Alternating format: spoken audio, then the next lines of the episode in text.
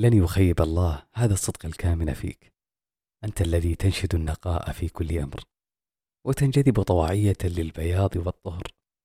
تسوءك الدروب الملتوية وتحرص على العناية بدوافعك قبل أفعالك. فلتؤمن أن النوايا الطيبة تصنع أجمل الأقدار.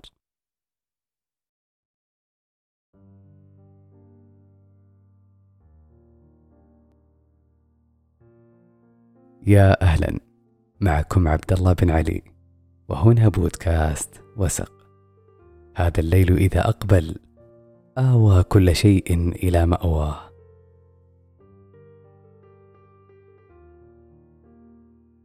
أتعلمون ما الخطأ الذي نقع فيه دائما؟ هو أننا نعتقد أن الحياة ثابتة وإذا اتخذنا في طريقنا رصيفا معينا يجب أن نعبره حتى النهاية. ولكن القدر خياله أوسع منا بكثير. ففي اللحظة التي نعتقد فيها بأننا في وضع لا مخرج منه وعندما نصل إلى القمة النهائية لليأس يتغير كل شيء في سرعة الريح وينقلب كل شيء وبين اللحظة والأخرى نجد أنفسنا نعيش حياة جديدة.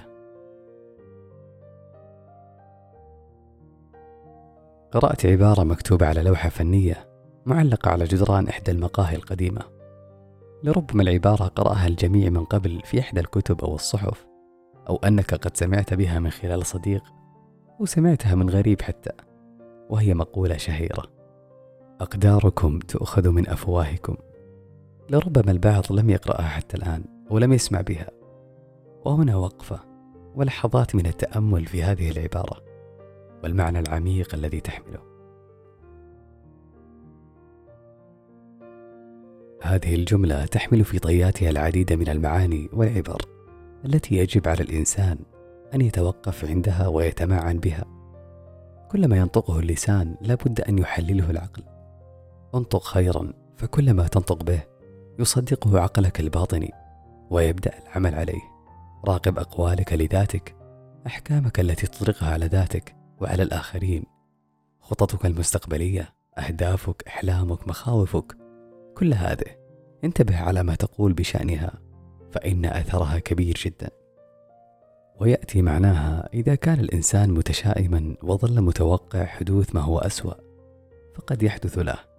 وعلى النقيض تماما إذا كان الإنسان متفائلا وصاحب نظرة إيجابية ولسانه لا ينطق إلا بالجميل والأمان الحسنة. فسوف يحقق الله مراده وما يتمناه.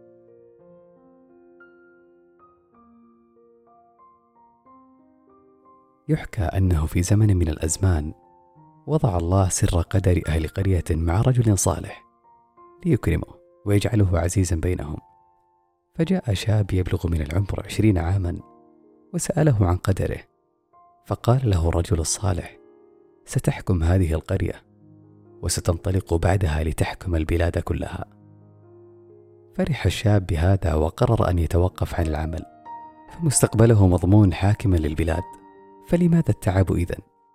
سقط حاكم المستقبل في بحور اللهو والشرب حتى ساعات الصباح كل يوم وهو يعود لمنزله وتقول له أمه ماذا تفعل يا بني بنفسك؟ فيجيبها أريد أن ألعب وأستمتع قبل أن تأتي مسؤوليات الحاكم لي في المستقبل فلا أجد وقتا لهذا مرت السنوات ودخل الشاب في سن الأربعين وهو مدمن على الشرب واللعب واللهو ولا يتقن صنعه أصابه المرض وارتمى في الفراش فعلم أن موته اقترب فطلب منهم أن يأتوا له بالرجل الصالح الذي يخبر الناس قدرهم. فجاء الرجل الصالح ونظر للشاب بحزن فقال له ليشفيك الله. فقال له المريض أنت رجل كاذب محتال لم أصبح حاكما للبلاد. فأجابه الرجل الصالح لقد كان قدرك فعلا أن تصبح حاكما للبلاد لكن القدر ليس هدية وينتهي الأمر. إن القدر يحتاج لعمل ويحتاج لجهد كي يتحقق. فالله تعالى وضع نتيجة لكل عمل. وأنت لو استمريت بجهدك وإخلاصك لقريتك بعملك النزيه لكنت حاكما لها. ولا طالبت القرى المجاورة بك أن تديرها بسبب أخلاقك لكنك تخليت عنها فتغير قدرك.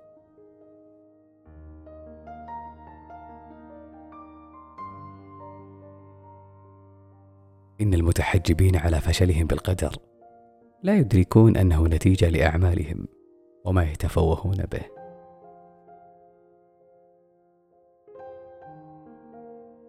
عندما تذهب وتكون بعيدا عن صخب الحياة وتجلس جلسة مع نفسك وتبدأ بتذكر جميع الأمور والأشياء التي حدثت من أمور صعبة وليالي قاسية كنت تظن أنك لن تنجو من تلك الأيام. وأن كل تلك الأقدار متعبة وقاسية وأن نفسك لا تتحمل كل هذا. وترى الأقدار تجري عكس ما أردت وتعجز عن فهمها.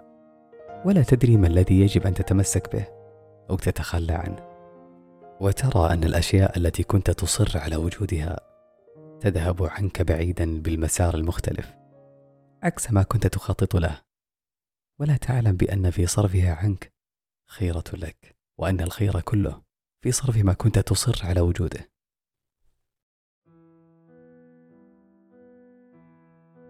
وإذا البشائر لم تحن أوقاتها فلحكمة عند الإله تأخرت.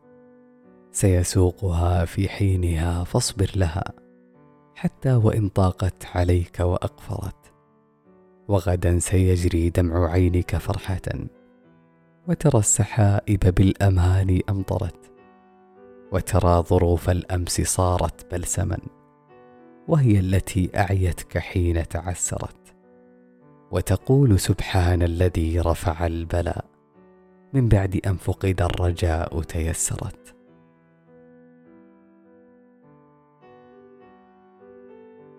تكتشف بعد مرور وتجاوزك تلك الأيام أن الخيار الذي وضعه لك القدر هو الخيار الصحيح وأن كل تلك الفوضى في ذهنك فقط.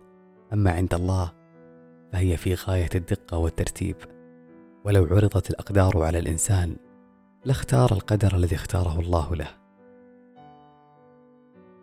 اطمئن ستأتي الأفراح كثيرة وعظيمة وهي في طريقها إليك الآن. وسوف تحنو عليك الأيام وتحتضن قلبك الراحة. أنت الذي طحنتك التجارب وصقلك الألم. ومهما حدث لا تتلفظ بكلمة تسيء الظن فيها فتكون امرا قدر عليك. أتظن أن شر القدر ببالغ على خيره؟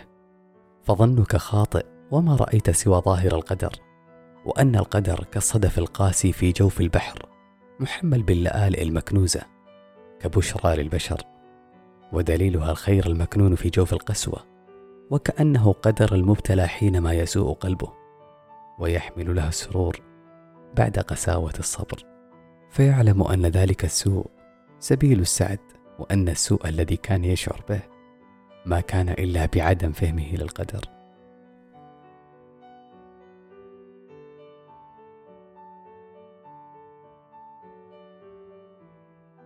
تذكروا دائما أن تعتادوا على قول الخير فكل ما تقوله عائد إليك. شكرا لكم مستمعي بودكاست وسق في كل مكان. ممتن جدا لتعليقاتكم ولرسائلكم. ولتحفيزكم المستمر.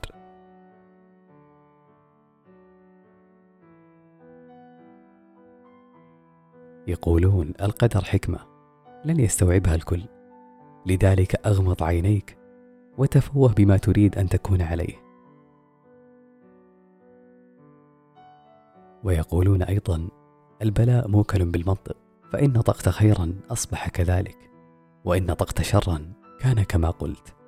لا تنطقن بما كرهت فربما نطق اللسان بحادث فيكون. وأخيرا تذكر يا صديقي أقداركم تؤخذ من أفواهكم لذلك لا تنطق إلا بجميل الكلام والأمان الحسنة.